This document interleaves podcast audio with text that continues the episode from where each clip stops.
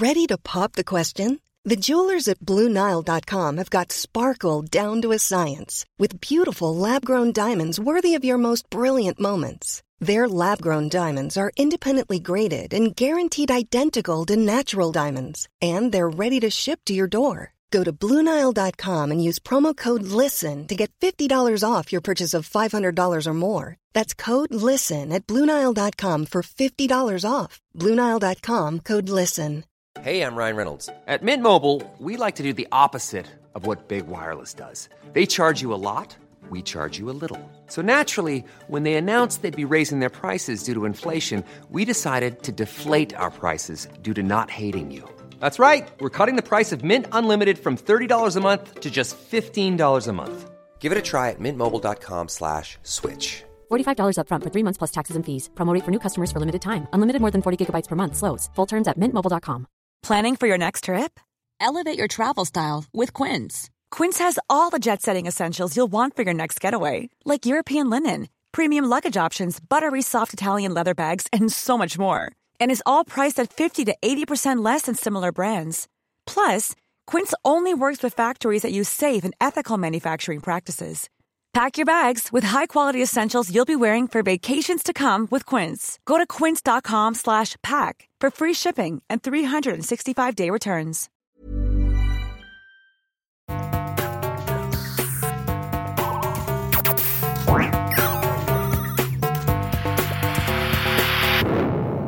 Velkommen til Sinnsyn. Jeg heter Sondre Risom Livre, er psykolog, og dette er Webpsykologens podkast. Hverdagspsykologi for fagfolk og folk flest.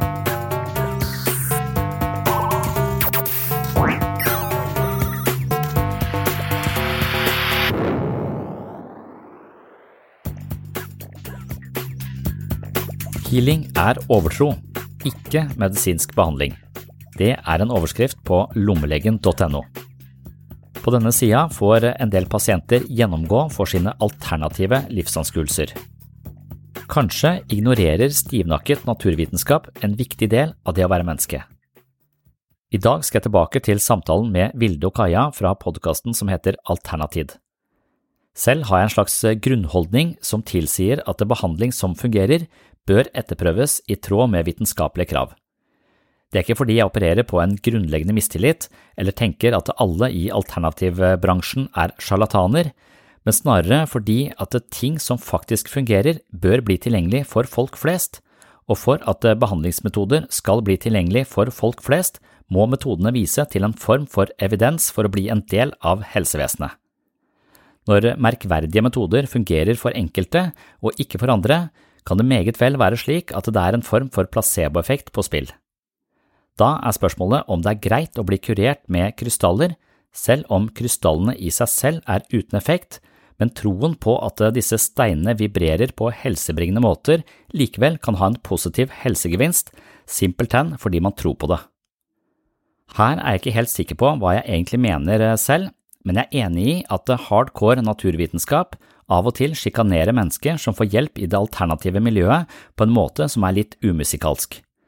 Denne voldsomme kritikken fra skolemedisin, når den går i strupen på healing og alternativ behandling, er kanskje teoretisk og akademisk sett godt fundert, men ofte nedlatende og litt lite hensynsfull, noe man kan finne mange eksempler på, og jeg vil ta for meg et eksempel fra lommelegen. Det skal du få høre mer om i andre segment av dagens episode. Før det skal vi ha med oss andre del av samtalen med Kaja Vilde. Det er altså to jenter som driver en podkast om kropp, sinn og syke, og de er interessert i holistiske perspektiver på mennesket, selv om ikke alle disse perspektivene er forankra på en god måte i mainstream akademia. Jeg hadde det hyggelig i samtalen med Kaja og Vilde, selv om vår samtale tidvis ble en slags debatt hvor vi sto litt på hver vår side i møte med forståelsen av mennesket.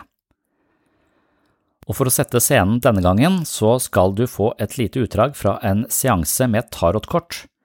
Tarotkort er kanskje det mange tenker på i forbindelse med for eksempel Alternativmessa. For dere som ikke vet hva det er, skal du få en kort innføring. Tarot betegner i dagligtalen både en spådomskunst og de kortene, altså 78 kort, som benyttes til denne spådomskunsten. Tradisjonen kan eh, spores tilbake til 1300-tallet som spillkort, mens eh, okkultismen som i dag knyttes til kortene, oppsto på 1700-tallet. Det finnes ingen plausible forklaringer på hvordan man ved hjelp av tarotkort skal kunne forutsi fremtiden, og heller ingen dokumentasjon på at spådommene er mer treffsikre enn ren gjetning. Men likevel er det et yndet innslag på alternative messer verden over. Jeg har selv blitt lest med tarotkort flere ganger, men først og fremst som research til boka Psykologens journal. Spørsmålet i denne innledende vignetten før vi går til samtalen med Kaja Vilde, er ikke om tarotkortene forteller deg sannheten om din fremtid, men snarere om tarotkortene er rasistiske i sine spådommer.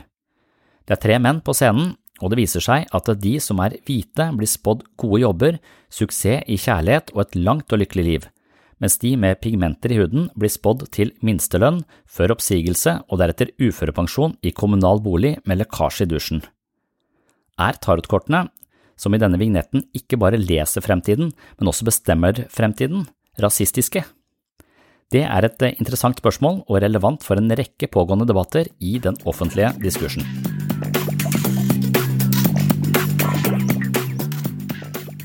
Now remember, once these cards are revealed, your fate is sealed. Whoa, it's mystical. Wow, that's cool. Unemployment financial insecurity, and injustice.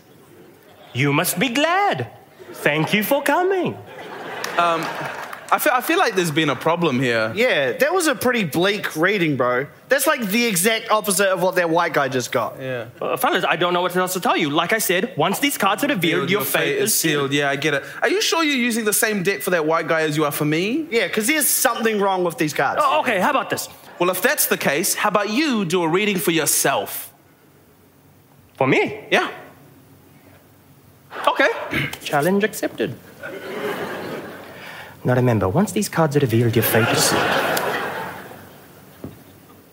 Rejection from job interviews for having an ethnic name. One dimensional characters in the media. And bloody Asian drivers. Boom. Wow, I, fellas, I, I don't know what to say. I've always thought that once these cards were revealed, your fate was sealed. But maybe something is wrong with the cards. Or maybe the cards are always just stacked against us. us, us.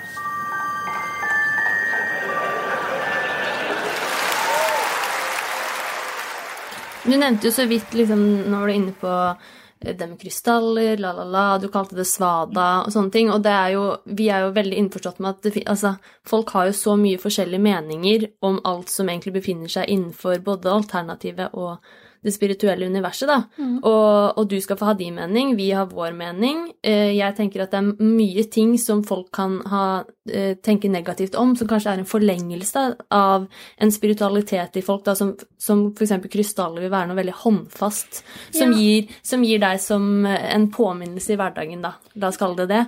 Um, ja, sammen... ja, men krystaller er interessant, for er krystaller en metafor? Uh, eller er, er krystallene en slags uh, manifestasjon av noe som skal minne deg på noe, mm. eller er det noe som årsak-virkningsmessig, altså akkurat som en medisin. Hvis mm. vi får en, eh, en, vaksine for korona, mm. så betyr det at vi ikke eh, på en måte blir syke når vi blir utsatt for viruset. Altså det, er en, det er en veldig naturvitenskapelig ting. Mm. Så hvis krystallen skal være naturvitenskapelig på den måten, eh, så, så, er et, så, er det et, spørsmål eh, om medisin. Det er ren empiri. Det, det kan man lett uh, utrede i en uh, i et eh, velkontrollert studie. Mm. Eh, men, men, men hvis, så, så, med en gang krystallen betraktes på den måten, så, så, tenker jeg at det er et empirisk spørsmål. Mm. Og det har for meg ikke så mye med spiritualitet å gjøre. Mm. Det har for meg noe, det, Da er du helt over i naturvitenskapen. Og interessant funker eller funker ikke, test ut. Så, mm. så Men det tror vi kanskje er eller opplever det som litt problematisk. Da, at Hvis man skal bruke det perspektivet da, og tenker sånn og det fins folk som tror at denne krystallen den skal hjelpe mot det, og da tror jeg at å legge den på brystet mitt nå, så hjelper den mot det, uten at du jobber innenfra, da. og at du jobber med hodet ditt og kroppen din, så skal én krystall løse problemene dine, det, det tror Vi tror det kanskje er litt misforstått, at folk tror Veldig mange tror det. Men det fins jo så mye forskjellige meninger der ute, da. Men det er i hvert fall Ja, noe vi har diskutert. Ja, og det er noe vi har diskutert mye, at eh, det fins sånne typiske spirituelle elementer da, som egentlig bare er en påminnelse, og som på en måte vekker noe i deg som du har etablert, mer enn at Og i dag tar jeg med eh, krystallen min på jobb, så nå skal jeg ha en stressfri dag.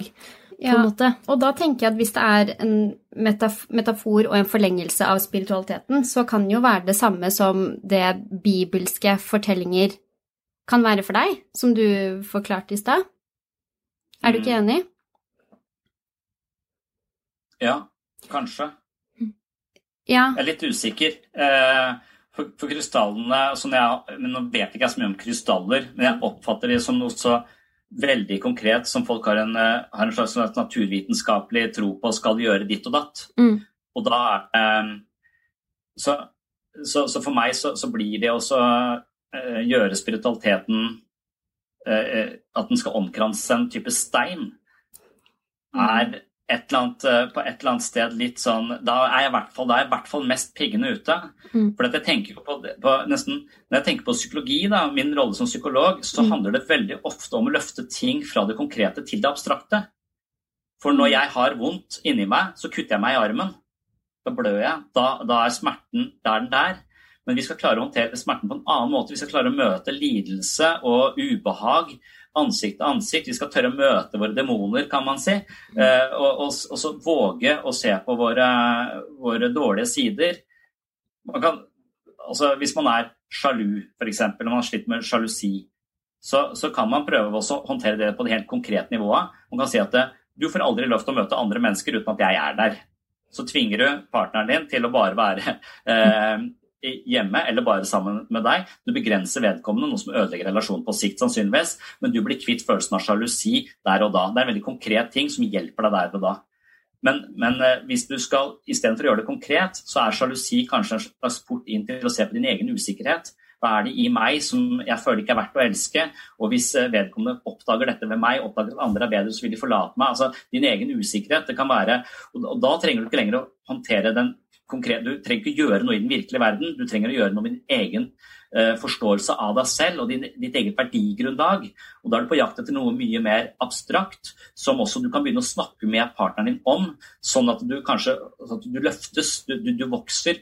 Hvis du bare begrenser den andre, så blir, så blir det en veldig enkel uh, så, og det er litt sånn eh, Altså, det kan, det kan være helt jeg, jeg oppfatter at, at det å være eh, menneske handler om å bli mer abstrakt og mindre forankra i det konkrete. Derfor så er nok krystallene eh, for meg symboliserer eventuelt et ganske lavt eh, utviklingstrinn i det spirituelle utviklingshierarkiet, hvis det fins. Men hvis, den, så, men hvis krystallen som form egentlig representerer det som er formless, da, Ok. Ja. så, så, så får jo den en helt annen betydning. Mens du bare ser på den som en stein. Mm. Ja, det kan hende. Mm. Ja, det er jeg usikker på. Ja. Uh, ja.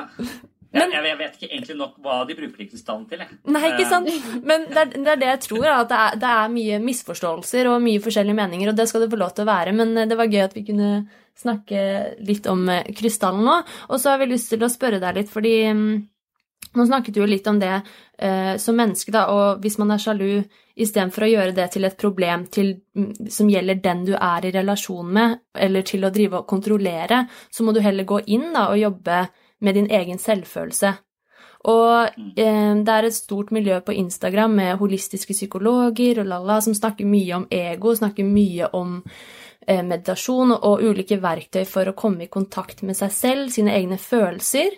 Og det er perspektiver som, som jeg ville få mye ut av, um, som jeg syns det finnes mye visdom og sannhet i. Og så opplever jeg også at det ikke er så utbredt i Norge, f.eks. Å snakke om holistisk helse som at vi har følelser, vi har tanker, vi har en kropp, og, at, og hvordan ting henger, henger sammen. eh, Og også hvordan det å jobbe og søke innover kan også endre eh, hvordan du oppfatter det utenfor deg.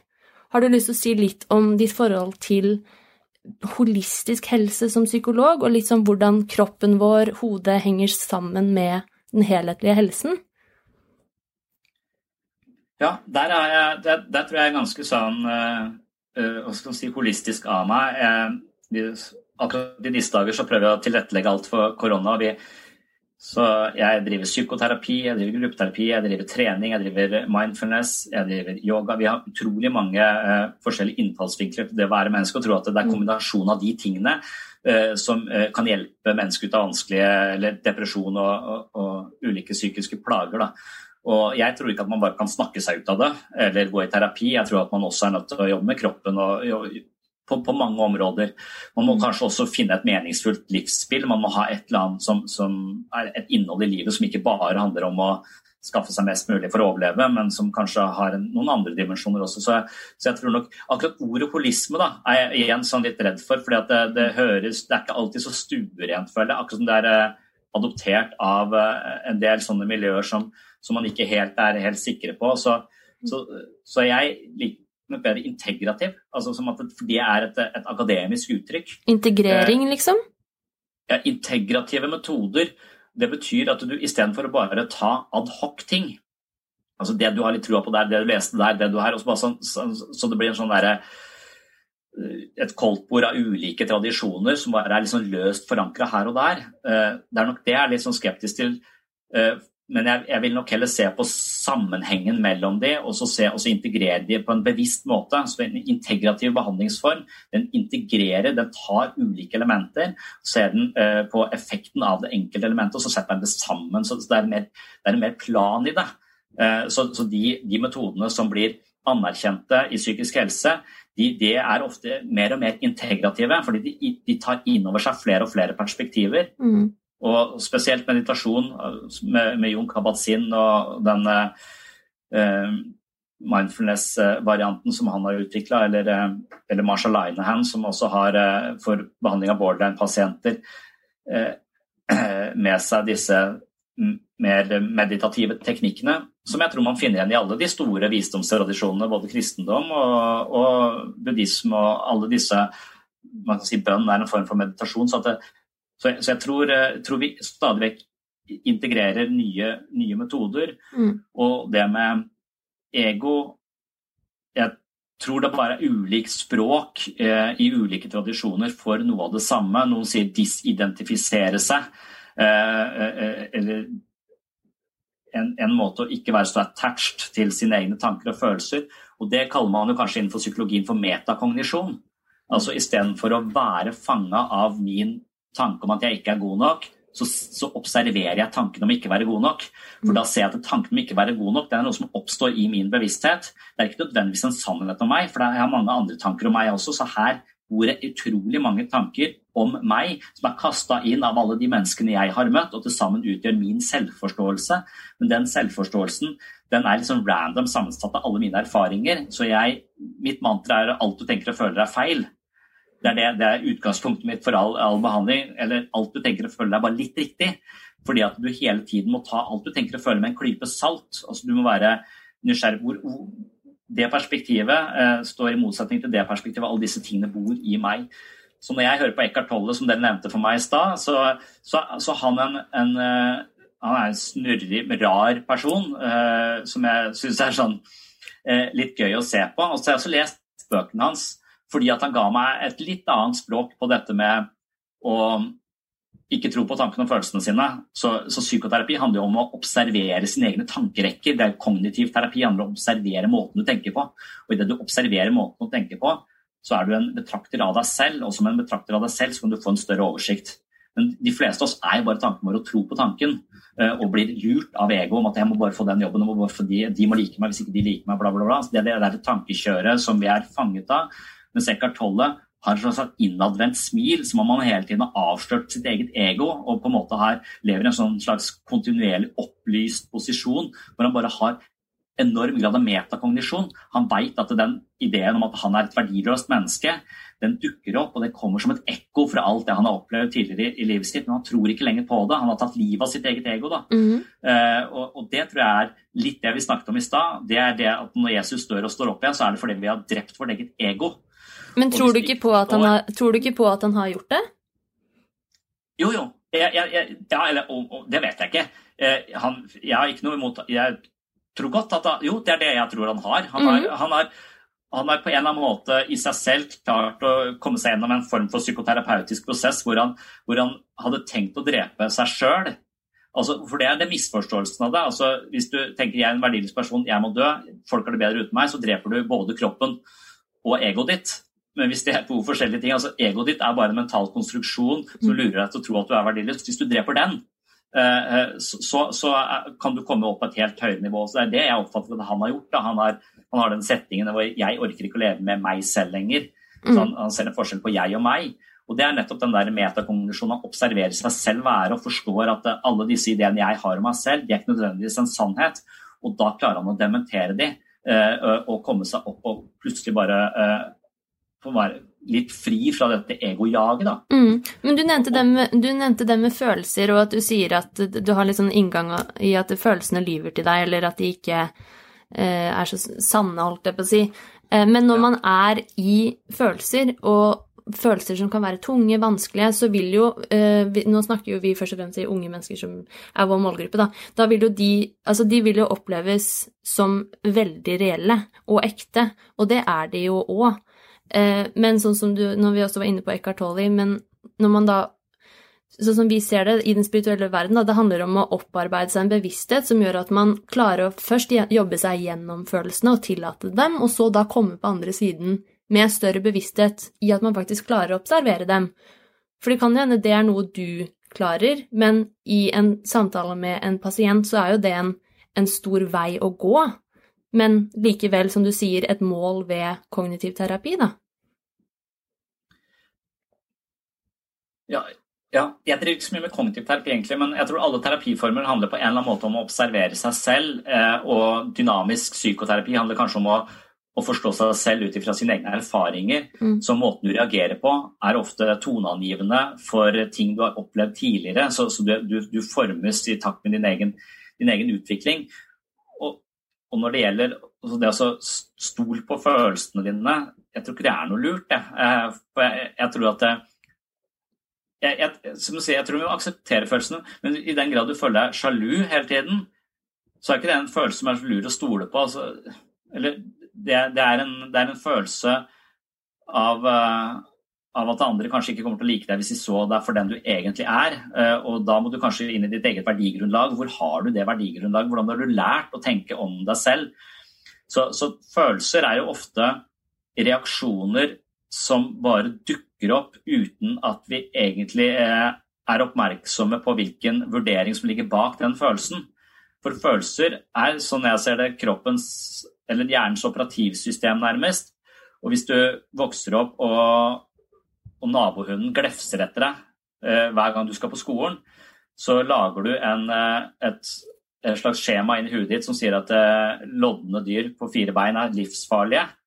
Eh, også, også hver gang, Istedenfor å ta den vurderingen hver gang du møter et loddent dyr på fire bein, så reagerer kroppen din bare med frykt. For frykt skal få deg unna den farlige situasjonen. Og det er ikke frykt en følelse du bør stole på. Altså Frykten er, eh, er, er bare et Det er bare en, en vurdering du har gjort av en situasjon på et tidlig tidspunkt som har blitt automatisert hos deg, og som du bare da uh, dukker opp hver gang. Så, så jeg vil si at alle, du, du, bør være radikalt åpen for alle følelser du har, men vite at du ikke er de. Mm. Uh, og der, der jeg føler Eckhart Tolle er en flink person til å Mm. si det til mange. At han klarer å vise oss at det ikke er tankene og følelsene våre. Så jeg ser for meg Jeg har vært veldig opptatt av bevissthetsfilosofi, dere nevnte det. men men jeg ser nok for meg at, at det, bevisstheten Bevisstheten er jo et finurlig fenomen, da, for det er ingen som egentlig eh, helt klarer å forklare hva det er for noe. Men, men for meg så er kanskje bevisstheten er vel det rommet hvor alt oppstår. Så feil, feiltagelsen gjør, er å tro at vi er det som dukker opp i bevisstheten. Hvis jeg tenker at jeg er et udugelig menneske, så tror jeg på det. Altså Det er blitt min selvforståelse. Mens, mens, det å være et udugelig menneske, det er noe som dukker opp i alle sin bevissthet fra tid til annen. Med mindre det er Donald Trump, så har du på en måte bestemt deg for at den, den, den tanken får ikke lov til å komme inn. Jeg er helt fantastisk. Så, så, så, så, alt som dukker opp i min bevissthet, det er ting som kommer og går. Eh, og hvis du tillater det, så, vil du heller ikke bli fanga i det rommet som er bevisstheten, på en måte, men, mm. men der inne så, det å kikke inn i sin egen bevissthet og se hvem bor i denne bevisstheten La oss si jeg kikker inn og ser ja, her bor det en rasist. Eh, eh, det er han som sitter borti hjørnet der. Av og til så kommer han fram, og så gir, og så gir han meg et perspektiv på verden som er totalt forkrøpla av hans erfaringer fra det stedet. Men det er også en antirasist som sitter her borte. Han får ofte mye mer plass, for det er han jeg pleier å kikke ut på verden med. Men så har jeg alle disse Så, så at jeg må hele tiden ta mine egne moduser litt sånn eh, Jeg, jeg må undersøke ah, nå, nå, reagerer jeg mye kraftigere enn jeg pleier å gjøre. Hvilken eh, karakter er som dukker opp i bevisstheten min nå. Og det å ha det blikket for sin egen bevissthet, uansett hvilket språk du bruker, om det er Eckhart Tolle som lærer deg det, eller hvem det er, som bare gir deg den forståelsen, så tror jeg du har det viktigste verktøyet mm. for, å, for, å, ikke bli fanga av deg sjøl og ditt eget ego. Men syns du det er spirituelt, det du snakker om nå? Jeg syns for det vil jo vi si at det er. At, men at som, på samme måte så snakker du om det som at det er noe alle mennesker kan øve seg på. Det, det er på en måte en eh, Det er mulig, og på den måten så gjør du det også til noe som ikke er så mystisk. Og det er jo det som er interessant. At det å være spirituell ikke nødvendigvis er så mystisk. Men det kan jo være både psykologisk og, og spirituelt. Ja. Det trenger jo ikke ja, være motstridende. Ja. Nei, liksom, hva betyr spirituelt, da? For spirit, ånd eh, hva, hva, hva, betyr er det, er det noe som ligger utenfor denne, denne verden? Så, så, akkurat det, Jeg vet ikke helt hvordan man skal def, definere det. Så, men jeg vil jo si at det, det kan være eh, rent psykologisk, akademisk psykologisk, det vi snakker om nå. Du kan si at eh, Hvis du klarer å forstå det nå, eh, eller det dere også har sagt om, altså, hvis du mm. klarer å forstå at du ikke er tankene og følelsene dine, som er mm. Eckhart Tolle sitt hovedpoeng, mm. så, så, tror jeg at at du vil kunne skanne hjernen din og se at du har mer aktivitet i prefrontal cortex, altså den delen av hjernen som ligger rett under panna, mm. som, uh, som, når den er aktivert, så har du en større oversikt over hvordan alle opplevelsene og følelsene genereres. Så, så det er liksom skipperen på skuta, som de kaller det i sånn traume, traumepsykologi. Og Idet du har prefrontal cortex skrudd på, så har du en ganske godt overblikk, og du er selvrefleksiv, og du kan forstå å, nå reagerer jeg veldig aggressivt. Det er fordi jeg føler meg underlegen. Mm. Uh, og Så skjønner du situasjonen, så klarer du å regulere ned aggresjonen din fordi du forstår eh, situasjonen. Så du har en godt overblikk. da. Eh, og Hvis du har den, det gode overblikket, så vil du ha mye kapasitet der oppe. Og det er et rent sånn eh, Det hører til menneskets natur, og det er helt, helt naturlig. Det som kanskje er litt spesielt med menneskets natur, det er at vi ligner aper på sånn 98% når det kommer til DNA-sekvenser. Eh, men likevel så må vi jo si at vi er ganske forskjellige. Og, og den, for, den, lille forskjellen på 2% den er jo himmelropende svær. Eh, fordi, kanskje fordi vi har språket. Og språket kan kanskje løfte oss opp fra materien på en eller annen måte. Språket binder i hvert fall tid. Så istedenfor å erfare alt på nytt, så kan vi via symboler lære oss alt det tidligere folk har tenkt. Vi kan bare lese noen bøker om hva Platon har tenkt, så forstår vi forskjellen. Så, så har vi liksom, så, så, og Det samme tenker jeg vi må gjøre med vår egen psykologi. altså Det å bli voksen, handler, det å modnes handler om å stadig bli mer og mer abstrakt i måten man tenker på. Der ser jeg for meg at det, at kan, det spirituelle La oss si vi tror at det finnes en eller Det spirituelle vil kanskje være noe som ikke helt lar seg Kanskje kunst ligger i samme Det er noe som ikke helt lar seg innfange med ordene enda. Uh, og idet vi innfanger det med ordene, så kanskje vi ødelegger det litt. Men, men, men kan si at uh, hvis, hvis, du har en kristen tradisjon, så mener jeg den, er, den kan være godt rusta til å ta imot de fleste mennesker, men da må du ha høy, mennesker som er høyt spirituelt utvikla på toppen. Det har vi ikke alltid. Eh, men, men, du kan si at det, som barn så trenger du å tro på Gud som en mann med hvitt skjegg. Men etter hvert som du klarer å abstrahere fra de mer konkrete, så klarer du å få et mye mer abstrakt forhold til, eh, til Gud. Eh, kanskje Gud er ordet, kanskje Gud er språket. Så, så, så, du vil stadig øke i abstraksjonsnivåer. Mm. Men mener du at den troen og abstraksjonen fortsatt er noe som bare skjer isolert i hjernen? At det bare finnes i, i hodet, og at det fortsatt bare er, er tanker? Ja, men hvor finnes tanker? For jeg tror, tror at vi har et slags eh, kollektivt selv også. Og det er derfor jeg tenker at eh, disse store fortellingene, disse mytologiene som omgir oss, de er mer eller mindre sånn fellesmenneskelige operativsystemer som ligger i kulturen. Så det å være menneske det, altså, mens, en, mens, en, fugl kanskje har alt den trenger for å overleve, koda inn i DNA-et sitt, så har ikke mennesker det. Vi ville ikke overlevd, så en del av oss er også fortellingene våre. Og hvis vi slutter å tro på alle fortellingene våre, eller sier at de er teite, som jeg sa om, eh, om religion, så er det som om jeg uh, ja, mister en del av mitt eget psykiske apparat, da, for det er også forankra i disse fortellingene som livsveiledere. Hva er meningen med livet? Hva vil si å leve et godt liv? Eh, Alle disse, Det kan jeg ikke finne ut av. Jeg, jeg trenger hjelp fra, fra, et større selv, fra et kollektivt selv. Og Det er vel der kanskje Habermas mener at hvis den kollektive selvet blir totalt naturvitenskapelig infisert, så vil de fortellingene bli litt fattige og litt kjipe. Eh, og så vil vi bli litt sånn mekanisk treige mennesker, hvor den mystikken og romantikken og, som, som, ligger i de, i de, andre mer sånn spirituelle tradisjonene, de, eh, de blir sabla ned, og kanskje vi mister noe verdifullt der. Mm.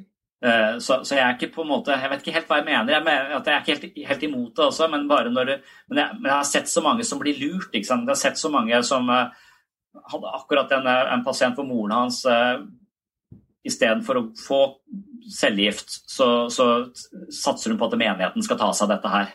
Uh, for den menigheten uh, mener at uh, sykehuset er Satan, og, og, at det er sånn og sånn. Så dør jo moren, ikke sant. Mens, mens hun, moren kunne lett vært i live i dag eh, hvis hun ble tidlig oppdaga, men hun vil ikke ha, ta imot behandling. Så sånne ting, når det, når det spirituelle griper inn eh, på helt andre områder og skal forholde seg til livet for øvrig så når, når, eh, når de menighetene jeg har vært i, sier at homofili er feil, eh, så blander de seg inn på et trivielt område og de ikke har noe med. De, de gjør seg sjøl stusslige eh, når det blir for konkret. Da.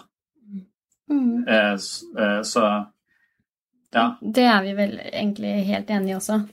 Men jeg lurer på om, vi kanskje, om det kanskje ikke kan defineres som spirituelt, men at det da går over til å være mer organisert um, religion. Men, det, men ja. um, jeg tror egentlig det var alt vi rakk nå. Er det jeg noe vi, du Jeg tror vi må runde av. Ja, ja, vi må egentlig runde av. Men um, som litt sånn avslutning, da, siden vi var inne på dette med du med nevnte Eckhart Tolle, bevissthet Nå forsvant det for meg. Å oh, ja. Hører du oss nå? Der var det. Ja. ja. ja så for å runde av litt, da, så har jeg bare lyst til å stille siste spørsmål om dette med Eckhart Tolle. Han nevner jo forskjellen mellom being, mind. Nå var vi inne på dette med bevissthet. Du sier du tror vi blir mer abstrakte med alderen, at det er en måte på en måte å komme nærmere being enn ego sitt. Uh, og no, du snakket om det som, som, at det er noe utbredt, men dette er jo ting vi har lært gjennom vår spirituelle interesse. Og vi opplever ikke at dette er utbredt i Norge å tenke sånn, og snakke om det at man ikke er tanker og følelser. Har du lyst til å bare ha en siste kommentar på det? Ja, nei, det kan hende det ikke er utbredt. Uh, jeg sånn Jeg vet ikke om vi uh for, forstår hverandre sånn 100% altså, men Det kan godt være vi på et eller annet nivå er helt enige på at vi snakker litt forskjellige språk. Eh, jeg er nok opptatt av å bevege meg innenfor det akademiske og heller utvide det fra den plattformen. Eh, fordi jeg jobber i sykehuset og fordi det eh, virker mest sånn redelig på meg. Fordi at forskjellige folks innfall her og der, det, det, det har liksom litt mindre tiltro til. Derfor er jeg liksom litt begeistra for kristendom også, for det er en lang tradisjon som jeg tror det er mulig å vokse inn i og, og utvikle. Eh, mens eh, sånn, eh, hvis du tar litt fra det og litt fra det, så, det, så kan det bli litt sånn Whitney Houston-yoga og alt jeg liker og alt jeg syns er behagelig. Eh, som er, eh, men det å, det å, vokse som menneske er som regel smertefullt. Og hvis det ikke er litt smertefullt å vokse som menneske, så, så er du ofte på litt feil spor tror jeg. Men, men, om det er utbredt eller ikke, jeg tror at vi, vi, snakker litt om det samme da, og at dere har oppdaget det gjennom de tradisjonene dere har utforska, så er det en veldig fin, eh, fin, ting, tror jeg. At det kan være veldig, veldig bra. Og så tror jeg at psykologien har noe av det samme i seg. At den, at den har litt andre språk i ulike tradisjoner på omtrent akkurat det samme som de, mm. mange av visdomstradisjonene også snakker om. Mm. Så, så, dermed så, så, tenker jeg at vi kanskje er samme, i samme bransje. da, At jeg prøver å formidle dette via den podkasten jeg har, dere formidler det via den podkasten dere har. Mm. Uh, og hvorvidt det er utbredt, så kan det jo hende at Habermas har rett. da, at det, Grunnen til at det ikke er utbredt, er fordi at um, denne livsverden, som han kaller det, denne opplevelsen, den mest subjektive siden av det å være menneske, den, den, er kolonisert av disse mer positivistiske uh, tradisjonene. Fordi opplysningstiden hadde mye bra med seg, men, så hadde den også kanskje, kanskje, den utarma nettopp det subjektive ved det å være, være, menneske. Og kanskje det er det man i dag søker mot, at, det har blitt, at pendelen snur litt nå. Vi er, vi er, nødt til å ha noe mer. Vi, vi, det viktigste for oss nå er jo å leve et meningsfullt liv. Altså, vi har jo det vi trenger for å overleve. på en måte. Og nå er spørsmålet eh, hvordan skaper vi mening? Hva er meningen eh, med livet? Hvordan kan jeg finne et spill som er verdt å spille? Hvordan kan jeg finne en slags dybde eh, i, i, mitt liv?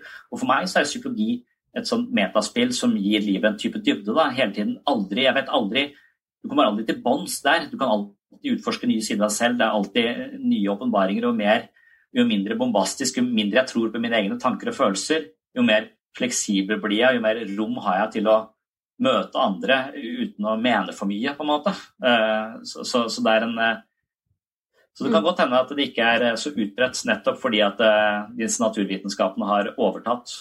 Og psykologi er nå en disiplin som hører til i sykehuset, noe jeg mener er uh, uhensiktsmessig. For det er ofte et sånt medisinsk paradigme uh, som hviler over, uh, over, oss, som krever at vi teller og måler og veier alt mulig, mens vi egentlig handler om å skape gode relasjoner som, en, som vi ikke klarer å kvantifisere på den måten som sykehuset ønsker å kvantifisere ting på. Så derfor så, så det også, Mye av det jeg driver med, med meditasjon og sånn her, det vil det vil ofte sykehus være litt sånn halvveis skeptisk til. Det vil si at det får kommunen ta, eller det er ikke spesialisthelsetjeneste. Vi skal bare drive evidensbasert samtaleterapi og medisinering. Og når vi gjør det, så mislykkes vi. For 80% blir da rehenvist og blir ikke bedre. Så vi trenger et bredere forståelse. Vi trenger, mer, eh, vi trenger å vite at vi har en kropp, og vi har en syke, og vi har et sosialt eller ikke-sosialt eh, liv. Vi har relasjoner, og vi har også kanskje en slags spirituell side på oss selv, eh, og hva man legger i den åndelige, spirituelle siden, det, får, det er jo så mye. Men hver gang det begynner å dytte på helsa di, f.eks., i altfor sånn gjennomgripende måter, drit i Drit i stråling, ta heller denne krystallen. Det er da det, er den faren for at det skjer, er nok det som er, eh, er, er min sånn At jeg alltid er på vakt mot det, da. Ja, Mm. Og det er vi òg. ja, og det syns vi at folk som hører på, også skal være. Mm. Tusen ja. takk, Sondre. Takk, Sondre. Det ble ja. lang prat, men det var bra. Det var fin prat. Ja. Mm. Det var andre og siste del av min samtale med Kaja og Vilde fra Alternatid. Jeg synes det ble en uh, fin prat. Uh, Litt usikker på om de syns det samme. De nevnte vel eh, i starten av deres episode at eh, det å snakke med meg gjorde at de fikk flere spørsmål enn svar, og ble hakket mer forvirra enn de var eh, tidligere. Jeg tror ikke de var så veldig forvirra fra før, men da fikk jeg i hvert fall skapt noe forvirring. Og jeg innser at jeg var litt uklar på en del områder, men det er vel kanskje fordi jeg ikke er helt ferdigtenkt på alle disse temaene, så jeg tenker høyt mens jeg prater. Det ble også eh, litt eh, debatt ut av det. Jeg håper ikke at jeg var altfor eh, bombastisk i mine uttalelser. Jeg holder nok en knapp på det, hva skal jeg si, ikke nødvendigvis naturvitenskapelig, men, men det akademiske, kanskje. Altså det inneholder både naturvitenskap, humanvitenskap og samfunnsvitenskap med helt ulike erkjennelsesinteresser, ifølge Habermas, noe som også ble så vidt nevnt der tidligere. Og jeg liker at eh, kunnskapen vi akkumulerer eh, er eh, preget av en viss etterrettelighet. Så sånn sett så, så, holder jeg en knapp på den leiren der sånn, samtidig som jeg er opptatt av de mer subjektive sidene, de mer åndelige dimensjonene, høydepunktsopplevelser og type sånne oseaniske følelser som Freud snakket om, som kanskje ligger også tilgjengelig i den menneskelige natur, og selv om den har et eh, nevralt korrelat og kan eh, skannes eh, i en eller annen eh, MR-maskin så vi kan se den fysisk fordi den eksisterer i hjernen, så har den likevel noen kvaliteter som på en måte peker utover som noe større, og noe kanskje vi kan kalle åndelig. Men det snakket jeg også en del om i forrige episode. Men det er uansett sånn at uh, de alternative ofte opplever naturvitenskapen, eller det som også kalles for legevitenskapen, som uh, forholdsvis arrogant. Mange stemmer innenfor uh, naturvitenskap har lite til overs for alternative livsanskuelser, og jeg håper ikke jeg falt helt ned på den siden, for jeg mener ikke å være nedlatende eller eller eh, arrogant innstilt til eh, de mer mystiske sidene ved livet. Jeg har jo en viss sympati eh, for det og er litt tiltrukket av det selv på en eller annen måte, men jeg vil jo argumentere fra, først og fremst fra den andre siden, men da håper jeg at det er med litt mindre arroganse enn det jeg kanskje hadde en tendens til tidligere i livet mitt, hvor jeg slo ned på Snåsamannen og de andre alternative aktørene og Märtha Louise osv. med ganske stor verbal eh, kraft, vil jeg si. Jeg var ikke så velartikulert akkurat, men jeg var ganske irritert i hvert fall. Og debatten mellom skolemedisin og alternative behandlingsformer kommer stadig frem i media. Prinsesse Märtha Louise sine engler har eh, høsta ganske mye kritikk, men det virker som om offentligheten til dels har akseptert hennes eh, englebedrifter. Da hun begynte å snakke med de døde, toppet det seg imidlertid for noen av kritikerne, og muligens økte skepsisen også i den øvrige befolkningen.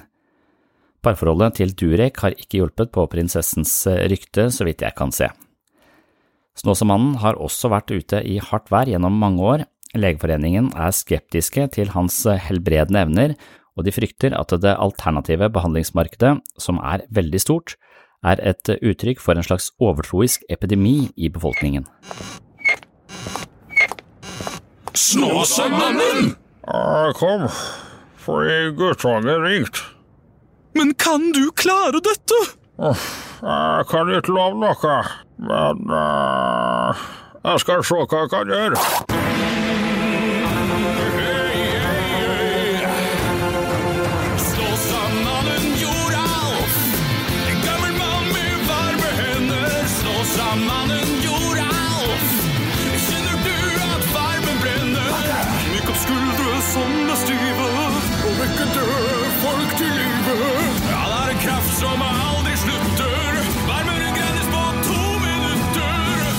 Kan jo ikke medisinsk forklares!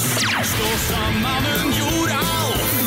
Han breder, kjendisvenner. Stå sammen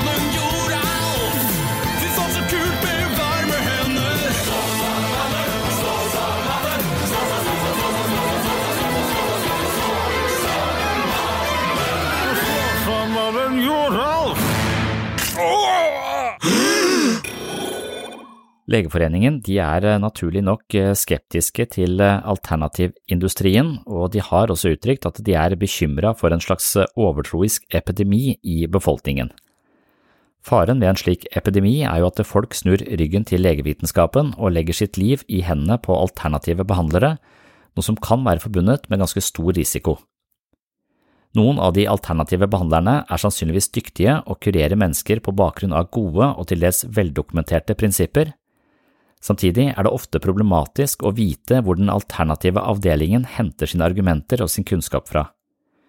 Tufter de sin helbredende praksis på en prerasjonell eller magisk beveggrunn arvet fra en tid hvor jorden var flat og gudene influerte på livets gang med magi og heksekunst, eller tilbyr de en form for velintegrert, holistisk behandling som tar hensyn til hele mennesket, tuftet på dyp og kvalifisert innsikt i menneskets mange fasetter? Kanskje begge deler men sannsynligvis er mye av det alternative behandlingsmarkedet belemret med en del kvakksalvere, og det er et problem for sårbare mennesker som sliter med sykdom.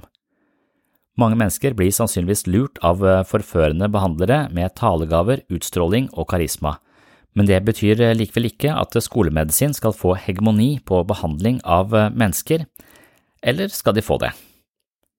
I denne delen av episoden vil jeg sette fokus på hvordan legevitenskapen og naturvitenskapen kan opptre ganske nedlatende overfor mennesker som finner betryggelse og kur i alternative behandlingsformer. Ofte kritiseres skolemedisin eller naturvitenskap for å være ekskluderende, intolerante, trangsynte og arrogante fra alternativt hold. Poenget er at det alternative markedet føler seg litt uglesett av den tradisjonelle skolemedisin, og de får kritikk og mener da at den tradisjonelle skolen, altså skolemedisin, har et slags sneversynt blikk på hva det vil si å være menneske og menneskelig helse. Så på den måten så mener de at de ikke er åpne nok, de stiller ikke med et åpent sinn, og så er det Richard Dawkins som påstår at man det er ok å stille med et åpent sinn, men ikke så åpent at hjernen faller ut, og det er jo et litt krast motargument. Og når jeg hører at den alternative siden kritiserer skolemedisin for å være ignorante, trangsynte, arrogante osv., så, videre, så har jo jeg selv i ulike debatter anklaget den alternative siden for nettopp det samme. For jeg mener jo at det å hele tiden utsette sine egne metoder for undersøkelser, tester, blindtester, studier, altså gå gjennom denne vitenskapelige modellen som kreves for valid kunnskap, og før man har på en måte etterprøvd og, og testet og peer-reviewa sine resultater i forhold til det man mener å påstå, så kan man ikke påstå det. Så man må være bombesikker på det man påstår, og hvis det viser seg at det er noen andre undersøkelser som eh, motbeviser det vi mener å finne i vårt eh, studie, så må vi gjøre alt på nytt eller modifisere studiet og ta liksom innover oss eh, den mulige falsifiseringen av de funnene vi har. Og det er en ganske ydmyk affære. Når du har, mener å vite noe, så er du også villig til å teste ut den eh, nye kunnskapen imot de kravene som stilles innenfor naturvitenskap og andre etablerte vitenskaper, hvor det ikke bare holder å ha en hunch eller sett at noe fungerer én gang, man må se om den kunnskapen man har kan generaliseres til flere, eller om det er noe i konteksten som gjør at det akkurat fungerte der, mens generelt sett ikke vil fungere.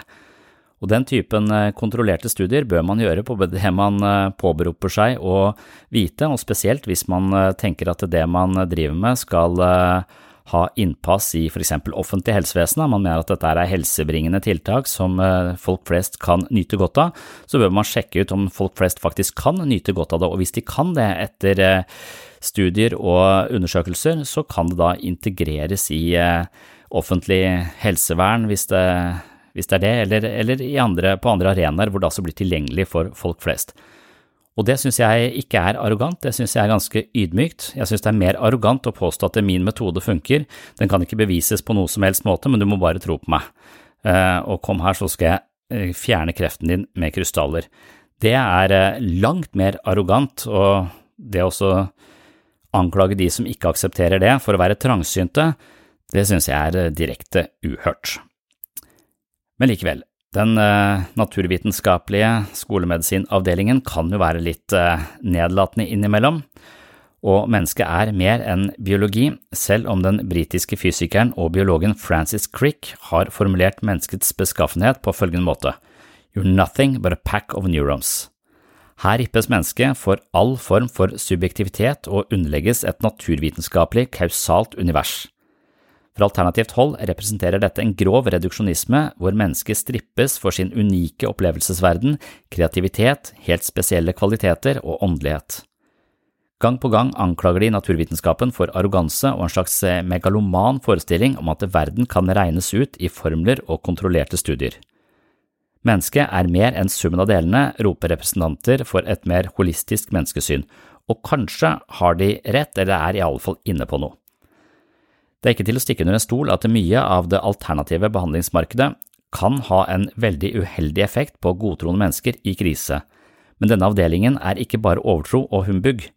Det finnes også sterke og gode argumenter på denne siden som kan og bør supplere en strengt vitenskapelig livsorientering. Men det blir vanskelig dersom eksempelvis skolemedisin skal stå hardnakket på sin trofasthet til nettopp naturvitenskapen.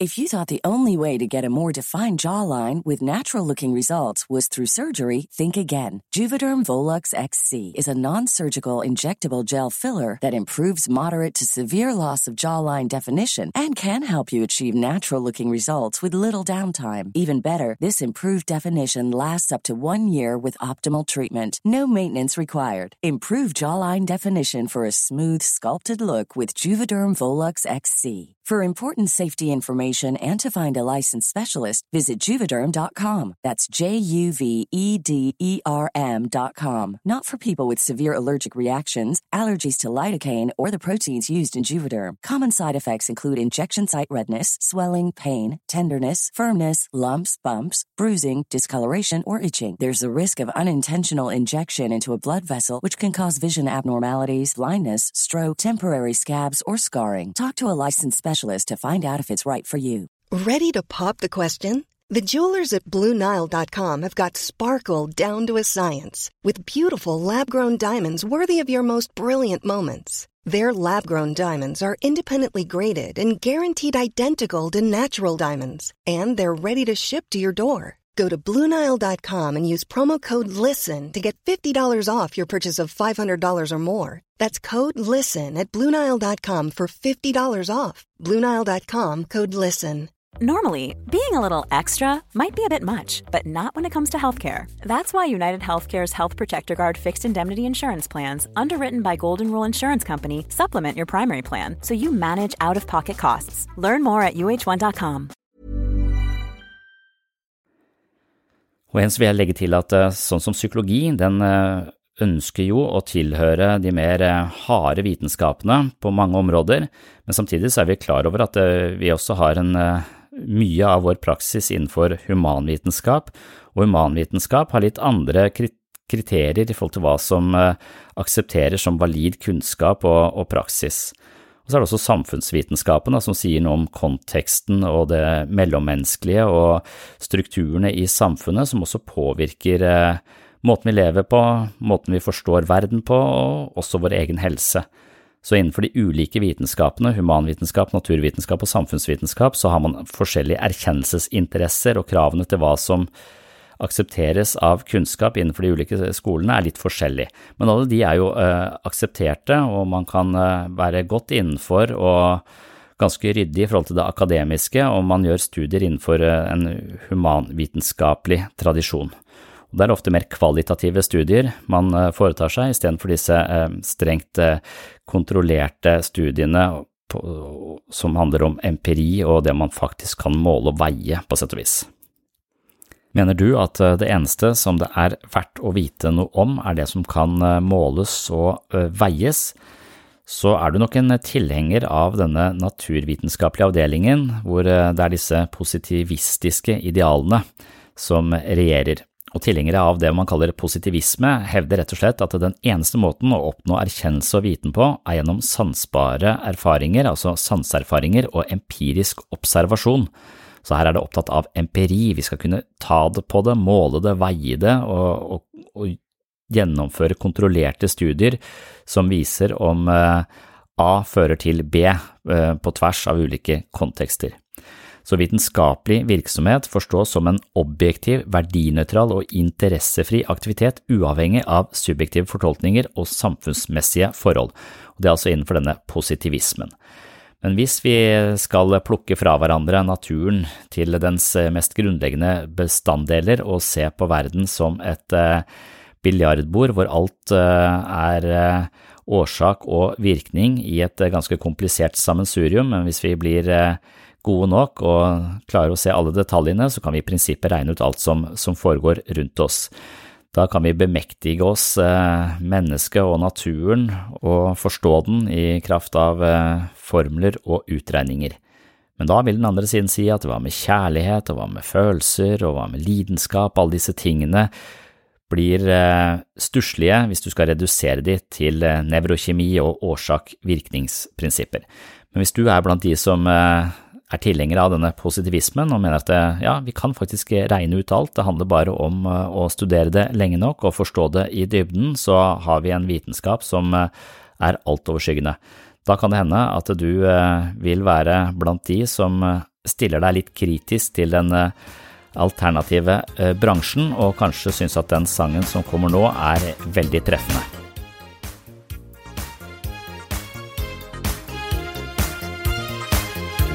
Jeg utøver min praksis blant hvitløk og ikoner.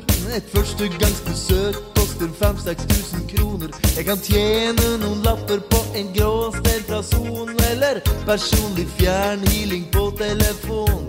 Litt tarmskylling, baby, skal også være bra. Jeg har en hagaslangestump hvis det er det du vil ha. Og jeg driver litt på si med aromaterapi. Vil du lukte litt på underbuksa mi, for jeg er med eget kontor. Vi er rødlita stue på bygda. Og jeg kan hile deg, baby, for kraften er stor. Når jeg tjener litt ekstra på trygda.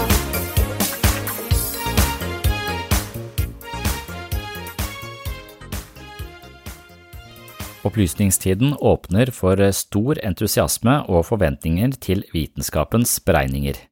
Det installeres et håp om at naturens gang kan tilkjempes og gjenerobres i vitenskapens stand, hvorpå man vil få svar på livets gåter gjennom nøye utstuderte eksperimenter. I enkelte fora ble forhåpningene så store at tidligere verdenssyn og visdomstradisjoner ble utrangert umiddelbart og erstatta med en verden som angivelig oppfører seg like forutsigbart som nettopp et biljardbord. I dagens samfunn roper vi igjen på de gamle visdomstradisjonene fordi mange opplever en viss skuffelse overfor naturvitenskapens kapasiteter. Vi lever lengre og har en uhyre sofistikert teknologi som avhjelper vår hverdag på revolusjonerende måter, noe som ene og alene skyldes nyvinninger innenfor et naturvitenskapelig paradigme. Men samtidig utarmes jorden, og det virker som om hele planeten har fått feber på grunn av de store fremskrittene, og noen vil mene at vi blir ulykkelige og overfladiske av den utviklingen. Dermed snur mange ryggen til naturvitenskapen og kommer plutselig til å huske på Roland Barth som gjentatte ganger har påpekt at eh, man tar livet av mennesket ved å fjerne mytologien. Det rasjonelle eller naturvitenskapelige bevissthetsnivået, eller paradigme, er altså et område hvor man angriper religiøse tradisjoner og grovt sett produserer ny kunnskap basert på håndfaste bevismateriale. Ofte er det religion som får gjennomgå, men også andre aspekter ved menneskers livsforvaltning risikerer skarp kritikk og skepsis fra en streng vitenskapelig mentalitet. Eksempelvis er debatten jeg allerede har nevnt mellom skolemedisin og alternative behandlingsformer nettopp et tilfelle hvor skolemedisin kommer i konflikt med andre livsanskuelser. Spørsmålet er om noen sitter på den eneste rette nøkkelen til livets mysterier. Det kan man nesten få inntrykk av i noen av disse debattene hvor ydmykhet for andres innfallsvinkler er tona kraftig ned. Og det er også her jeg har beveget meg, det var mitt utgangspunkt for boka som heter Psykologens journal. Jeg var ganske hardcore naturvitenskapelig orientert og syntes at alle som mente at det var noe mer ved det å være menneske, noe åndelig, noe spirituelt, var litt teite. Og det var et aspekt ved meg selv som gjorde at jeg ofte kom i litt eh, skarpe debatter med mennesker som mente noe annet enn det jeg mente, og det anså jeg som ganske umodent og prematurt når det kom til meg selv, og mitt mål med Psykologens journal det var jo å utvikle meg selv, altså gå inn i de settingene hvor jeg fungerer dårligst, og det var ofte i diskusjoner om religion, og hvis jeg klarer å beholde besinnelsen og være litt mer lyttende og kanskje få et slags eh, førstepersonsperspektiv fra de som virkelig tror på noe større enn seg selv, så kanskje jeg får en litt annen holdning til eh, disse menneskene når jeg står og kaster eh, dårlige argumenter på de fra avstand eller setter opp stråmenn, som det også heter. Så det var mitt prosjekt med Psykologens journal, altså gå inn eh, i ulike menigheter og forstå det fra innsiden. Det har ført til at jeg har en noe mer ydmyk innfallsvinkel til livets mysterier, jeg er fortsatt ikke noe religiøs person, men eh, jeg kommer godt overens med mine kristne venner, mine muslimske venner, og også mange av mine mer alternative New Age-aktige eh, eh, folk som, eh, som, går inn i eh, menneskets indre liv fra litt ulike innfallsvinkler og fra litt andre innfallsvinkler enn det jeg har valgt. Men ofte så kjenner jeg igjen fellesnevnere, både fra det de eh, snakker om, også i psykologien, så jeg føler det fins en slags bro som kan bygges her, men så er jeg altså redd for eh, de som skor seg på andres ulykke på den alternative sida uten noe særlig godt belegg for det de påstår. Så Derfor så mener jeg at de som er på den alternative sida, bør ta, gå over den broa til den mer akademiske siden og eh, ta med seg det tankegodset de mener er kurativt, og så få det testa her sånn, sånn at det faktisk er tilgjengelig for alle, da. Men i alle fall, denne ydmykheten kan ofte utebli når man ser disse debattene mellom eh, hardcore eh, naturvitenskapelige eh, folk og den mer eh, alternative avdelingen. Når det gjelder debatten rundt healeren Joralf Gjerstad, har Den norske legeforeningen gått ut med advarsler mot healing. Norges tidligere helseminister Bjarne Håkon Hansen har selv benyttet seg av healerens evner, noe som satte han i en litt forlegen posisjon i denne saken. Legeforeningen er imidlertid klare i sin holdning til alternativ kurerende virksomhet. I en av foreningens egne publikasjoner fra 1997 står det at det ikke er nok at healing faktisk hjelper folk men behandlingsmetoden må også være rasjonelt og logisk begripelig for at den skal aksepteres. Senere i samme programerklæring poengteres det imidlertid at pasientens autonomi skal respekteres, noe som betyr at pasienter som har bedrevet hva skal man si, utroskap i hermetegn i forhold til skolemedisin, altså konsultert en form for alternativ kur, likevel skal få behandling og prioriteres på lik linje med alle andre, og det er vel ikke mer enn rettferdig, sånn jeg ser det. Jeg har skrevet mer inngående om dette i en eh, artikkel på webpsykologen som heter Snåsamannen versus skolemedisin. Det er ingen tvil om at Snåsamannens evner er noe som opptar mange mennesker. Boka som heter Snåsamannen, kraften som helbreder av Ingar Sletten Kollon, solgte opp mot alle rekorder, den finnes også på lydbok for øvrig. Snåsamannen har også kommet med sin egen historie som heter Den gode kraften, i denne boka møtes eh, overnaturlige evner og Joralfs eh, egen livsvisdom, men eh, den inneholder få vitenskapelige perspektiver, sånn jeg så det og sånn jeg husker det da jeg leste den, med stor interesse faktisk. I følgende vil jeg drøfte den omtalte arrogansen fra legevitenskapelig hold. Igjen dreier det seg om konflikten mellom skolemedisin og healing, men først skal vi bare innom Snåsamannen og høre noen få korte betraktninger på hva han selv tenker han driver med. Du har vært syk lenge, da? Snart tre år. Der kommer nerver av folk som er syke. Da får jeg signal i min egen kropp som gjør at jeg kan hjelpe folk.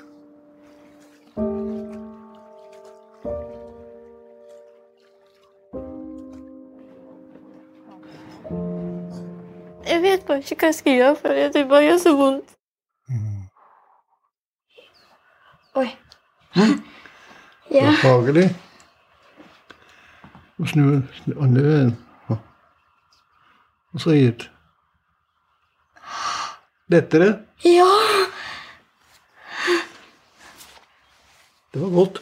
Ja. Hvordan gjorde du det?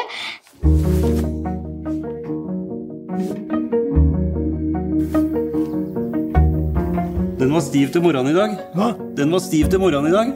Og det har den vært i, i, i seks år. Seks år. Hadde jeg ikke vært mann nå, så hadde jeg grått. Jeg kjenner ikke. Jeg kjenner ingenting. Spiller du piano? Litt, ja. Skal du spille opp med? Ja. Jeg er ikke noen tryllekunstner, så jeg vil være nattordet for folk. Naturen, det kan du se alle på i. Da ser vi det hvor vakkert det. Men det fineste som er skapt, det skjer jo ikke. Og det er mennesket. Det var et klipp hentet fra filmen som heter Mannen fra Snåsa. Den kom på kino her til lands eh, i januar 2016. Og Legeforeningen har altså ikke så mye til overs for eh, Joralf Gjerstads påståtte evner. Og tidligere så gjenga jeg deres eh, offentlige uttalelser, men man skal ikke lete så lenge før man finner langt mer aggressive utsagn mot alternative behandlingsmetoder fra enkeltstående medlemmer av legestanden. Lommelegen.no er eksempelvis en av Norges større informasjonssteder om helse på internett. Her finner man tusenvis av artikler som ifølge selskapet selv er skrevet på alminnelig og lettfattelig norsk. Alle artiklene og svarene på spørsmål fra brukerne er skrevet av leger eller kvalitetssikret av leger. Med tanke på internetts eh, sentrale posisjon i de fleste menneskers dagligliv, er det sannsynlig at veldig mange mennesker finner svar på sine medisinske spørsmål på lommelegens hjemmesider. Blant annet finnes det en artikkel som heter Healing er overtro, ikke medisinsk behandling. Den er eh, skrevet av allmennlege dr. Brynjulf Barekstein, som svarer på et spørsmål fra en pasient med smerter i hodet. Pasienten hadde vært til medisinsk undersøkelse uten funn, men var likevel plaget av smerter. I sitt brev forteller han om et besøk hos en healer som hadde presentert ham for en ny hypotese i forhold til hodesmertene. Pasienten skriver derfor til lommelegen for å drøfte dette, og her får han svar. Svaret er ikke bare på lettfattelig norsk, men rett og slett på nedlatende norsk. Pasienten har fått en ny hypotese av sin healer, noe han altså ønsker å lufte med en lege, og doktor Barekstein svarer han som følger. Du spør meg som lege om å vurdere healerens funn og ideer. Du skriver jo er noe slikt som det han eh, healeren sier mulig. Det er det samme som om du spurte en ingeniør om det er mulig at Gud finnes og hvor mye han veier og hvor gammel han er. Det kan ikke en ingeniør svare på. Healing er overtro. Du kan også, om du vil, bruke andre ord på det, religion, eventyr, magi, eventuelt svindel og løgn, hvis man ønsker å være skeptisk, og det bør man etter min mening. Og allerede her, i de fire første linjene i svaret til eh, doktor Barekstein, så finner vi en ganske krass tone, og etter å ha sett eh, filmen eh, om Joralf Gjerstad, altså mannen fra Snåsa, så tviler jeg på at han ville møtt mennesker med denne typen retorikk. Han kan være litt direkte, han Joralf Gjerstad også, men han virker ganske varm og omsorgsfull, og jeg tror kanskje det er en viktig del av en helbredende prosess, altså respekt og omtanke, medfølelse og varme. Og det Joralf har, er en form for varme. Om han har varme hender, er jeg mer usikker på, men han har en annen form for varme enn det doktor Barekstein legger for dagen i svaret til denne pasienten med hodesmerter. Nå skal vi høre videre hva han eh, skriver i svaret sitt på lommelegen.no. Healing handler ene og alene om ting vi ikke kan se eller påvise. Det vil si, det handler om ting som ikke finnes, det er altså tankemessig påfunn på linje med religioner og lignende, altså noe som er sant for de som holder på med det, og meningsløst for de som ikke tror på det. Så kan noen innvende at Gud A eller Gud B finnes, og hvis de ønsker å tro på det, så er det aldeles greit for meg men det er selvfølgelig ikke noe bevis på at det finnes. Det er en tanke i hodet på den det gjelder, og ikke noe annet, selvfølgelig. Det samme med healing.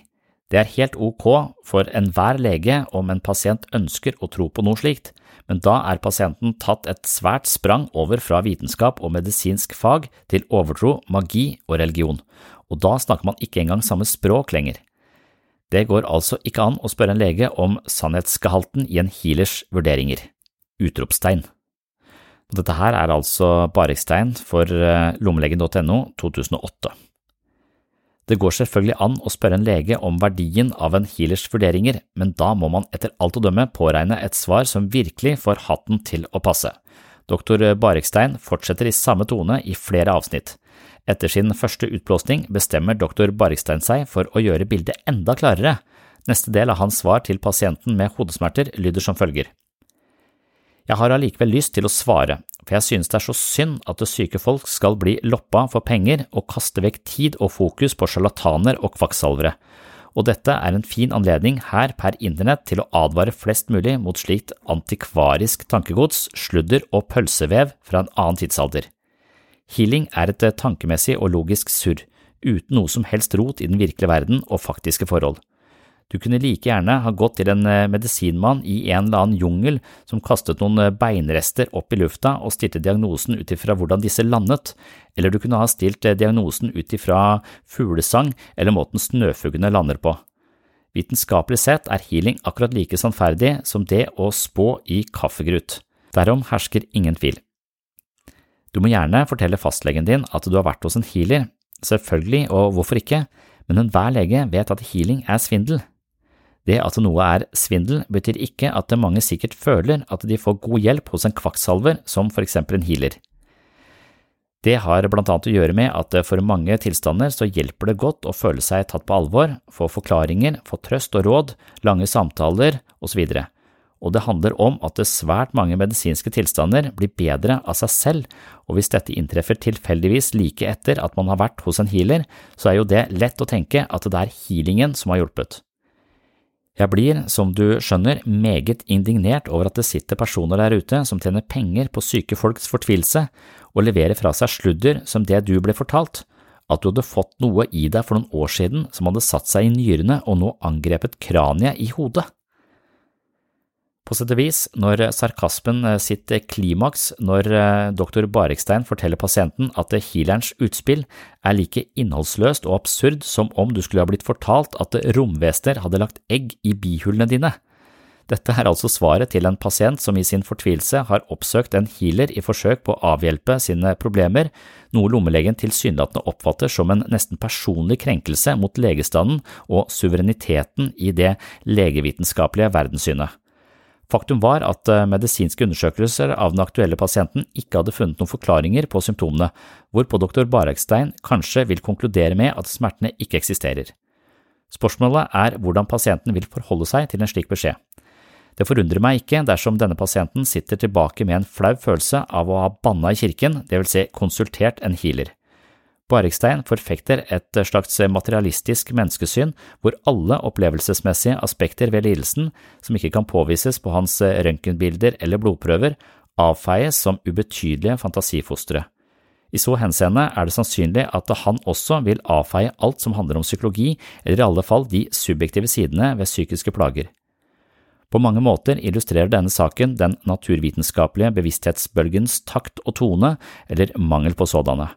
Det er ikke vanskelig å karakterisere legens svar som både hovmodig og arrogant, og det virker som om et slikt offensivt klima ligger som en inkorporert holdning på dette eksistensnivået. Det er selvfølgelig mange unntak, men generelt sett er det moderne og naturvitenskapelige eksistensnivået pågående og tidvis oppagiterende, slik jeg har forsøkt å illustrere her med et eh, aktuelt eksempel tatt ut fra vår hverdag og vår mest nærliggende kilde for helseopplysninger, altså lommelegen.no. Så når eh, den alternative avdelingen går til angrep på eh, skolemedisin fordi den er arrogant, så forstår jeg hvor det kommer fra. Samtidig så mener jeg at på et annet nivå så er den alternative bransjen arrogant på sin måte, ved at de på sett og vis eh, unnlater å utsette sine egne metoder for disse kontrollerte studiene, slik at de kan få verifisert at det de driver med faktisk har en eh, verdi, og på den måten så kan jo da alle også få tilgang til disse metodene og helsebringende tiltakene ved at de faktisk eh, gjøres stuerene gjennom en eh, litt mer kritisk undersøkelse av hva som fungerer og hva som ikke fungerer like bra. Så min oppfordring til naturvitenskapen er jo å være litt mindre bombastiske og i hvert fall ikke så nedlatende i møte med mennesker som lider, og min oppfordring til den alternative avdelingen er gjør metodene deres eh, til gjenstand for kritisk undersøkelse og testing, sånn at de faktisk kan komme alle til gode. Kjemper du en kamp mot flass og hemoroider? Eller er det rett og slett av tannsten du lider? Da har jeg noe på lur, en egen hastekur. Jeg kaller det personlig analakupunktur. Og det hender iblant at mitt kjød må på dass. Men da satte jeg meg i stellet på et liters norgesglass. Så annonserer jeg i avisa en liten rubrikk. Billig bio kosmetikk, for jeg er kvakksalver, baby, med eget kontor i ei rødlita stue på bygda. Og jeg kan heale deg, baby, for kraften er stor når jeg tjener litt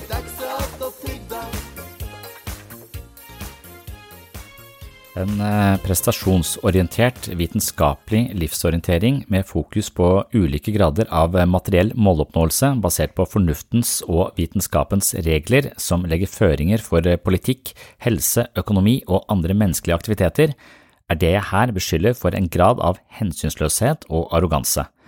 Nettopp denne mentaliteten kan kanskje også forklare den kritikken som av og til rettes mot behandlingen man mottar på somatiske sykehus.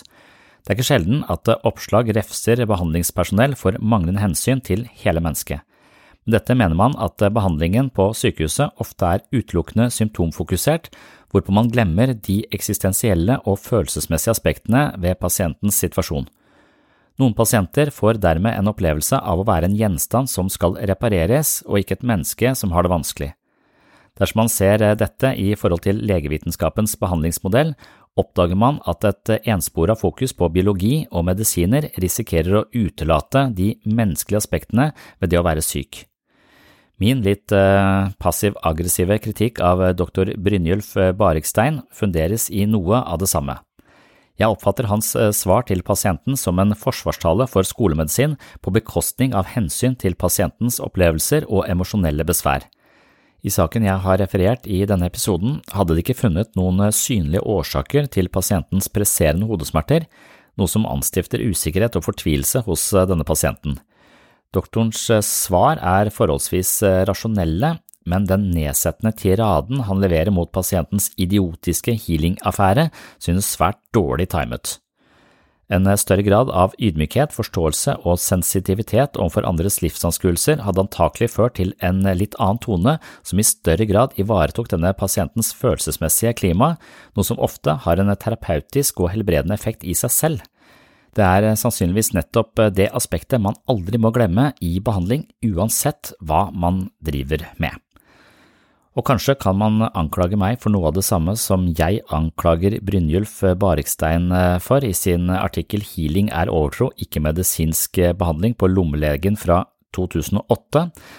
Det kan være at jeg kan fremstå som litt eh, cocky og eh, arrogant og kanskje litt nedlatende i noen av disse episodene her på Sinnsyn. Og det gjør jeg av og til med vilje, eh, og av og til så er det bare en side med meg selv jeg ikke har helt eh, kontroll på, altså ligger i min blindsone. Min egen arroganse ligger av og til i blindsonen, derfor er jeg ikke alltid like oppmerksom på det, men jeg prøver å bli mer og mer oppmerksom på det.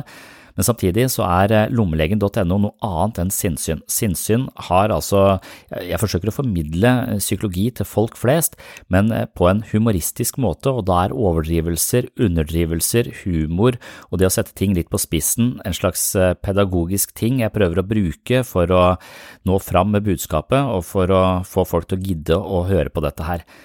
Eh, lommelegen skal være en litt mer sånn objektiv eh, arena som eh, påberoper seg litt mer faglighet enn det jeg gjør her inne på sinnssyn. Derfor så mener jeg at mine spark i hit og dit, eller mot høyre og venstre, ikke nødvendigvis må betraktes som nedlatende, men mer som forsøk, av og til dårlige forsøk på, på humor. Så jeg tenker jo at alt jeg tenker og føler er feil, og alt uh, alle tenker og føler er feil. Derfor så ligger det også som en slags forutsetning for alt jeg sier her, at vi må ta det med en klype salt, men det kan være at disse perspektivene er noe vi kan sjonglere sammen med mange andre perspektiver for å forstå vår egen situasjon og livet for øvrig. Men ingen har uh, noen uh, patent på virkeligheten og hvordan ting fungerer, og dermed så er det også litt, hva skal jeg si, ja, kanskje arrogant, da, eller litt eh, du, du, har ganske god tro på deg sjøl når du kan eh, fyre av mot eh, ulike alternative behandlingsformer på den måten som lommelegen driver med. Jeg kan godt forstå det hvis han kommer fra en situasjon hvor han har sett noen dø som følge av mangel på medisinsk behandling, eh, hvor de kanskje valgte bort stråling og kjemoterapi til fordel for krystaller og bønn. Eh, og det har jeg jo selv eh, opplevd flere ganger, at jeg har hatt eh, mennesker i behandling hvor de har mista sine nærmeste på grunn av klokketro på noe som ligger på et metafysisk nivå, men som de på alternativmessen har fått vite skal kurere kreft, og at noen har også noen religiøse overbevisninger som sier at sykehuset er fullt av demoner, så da må du bare holde deg langt unna. Så da er vi jo ute på et område hvor vi virkelig må eh, stå opp for eh, ja, skal si eh, sunn fornuft, egentlig. Altså stå opp for eh, mer akademisk, eh, akademiske og vitenskapelige innfallsvinkler til behandling, så vi får bukt med folk som blir lurt, og av og til da med døden til følge. Men det er ikke så ofte det skjer. Så det å ha tro på noe annet, og så tenke at eh, noen andre metoder, urt, eh, mennesker, fortrøstningsfulle ord, eh, relasjoner kan eh, til sammen utgjøre en forskjell på vår egen helse, det har jeg stor tro på. Og her kan det være at det alternative markedet kommer med et ganske viktig bidrag. Men hvis det bare da ikke kunne vært alternativt, bare vært et bidrag hvor man var åpen på det man dreiv med og testa det, sånn at det fikk plass i det gode selskap, så hadde jeg blitt veldig fornøyd. Det var siste del av samtalen med Kaja og Vilde fra denne Alternatid, hvor jeg da legger til en del innspill fra egen regning her på slutten.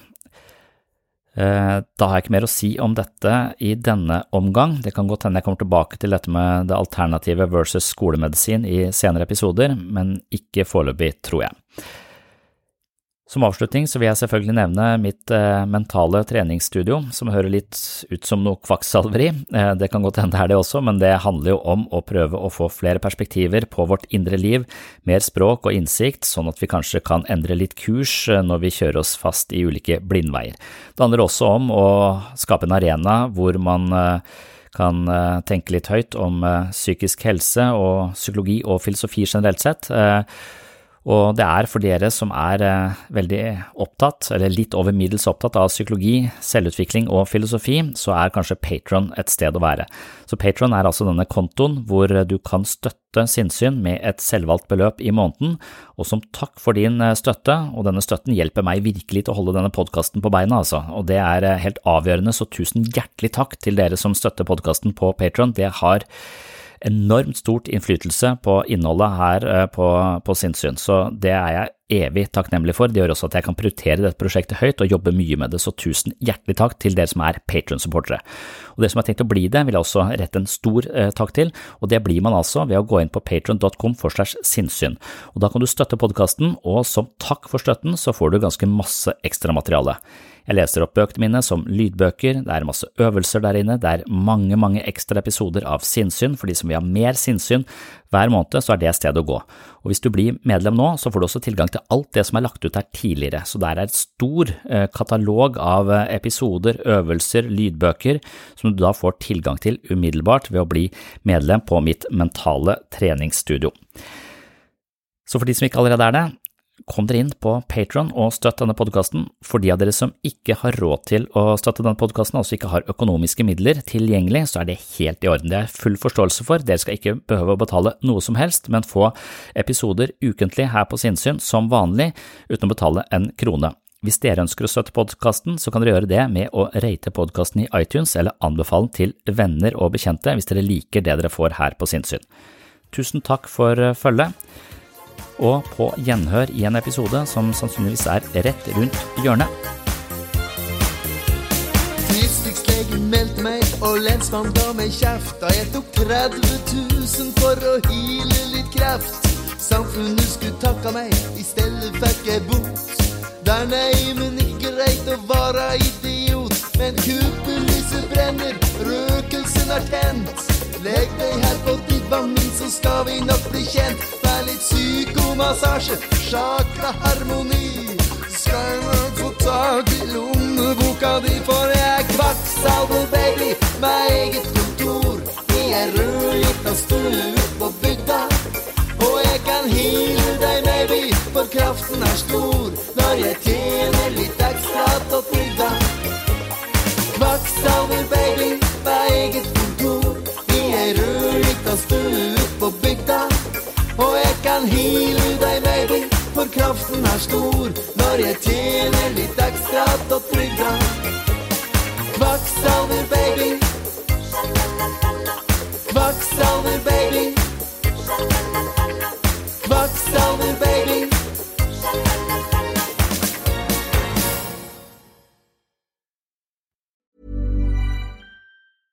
Want flexibility? Take yoga. Want flexibility with your health insurance? Check out United Healthcare Insurance Plans. Underwritten by Golden Rule Insurance Company, they offer flexible, budget friendly medical, dental, and vision coverage that may be right for you. More at uh1.com. Here's a cool fact a crocodile can't stick out its tongue. Another cool fact you can get short term health insurance for a month or just under a year in some states. United Healthcare short term insurance plans are designed for people who are between jobs, coming off their parents' plan, or turning a side hustle into a full time gig. Underwritten by Golden Rule Insurance Company, they offer flexible, budget friendly coverage with access to a nationwide network of doctors and hospitals. Get more cool facts about United Healthcare short term plans at uh1.com. Imagine the softest sheets you've ever felt. Now imagine them getting even softer over time. That's what you'll feel with Bowl and Branch's organic cotton sheets. In a recent customer survey, 96% replied that Bowl and Branch sheets get softer with every wash. Start getting your best night's sleep in these sheets that get softer and softer for years to come. Try their sheets with a 30-night guarantee. Plus, get 15% off your first order at bowlandbranch.com. Code BUTTERY. Exclusions apply. See site for details.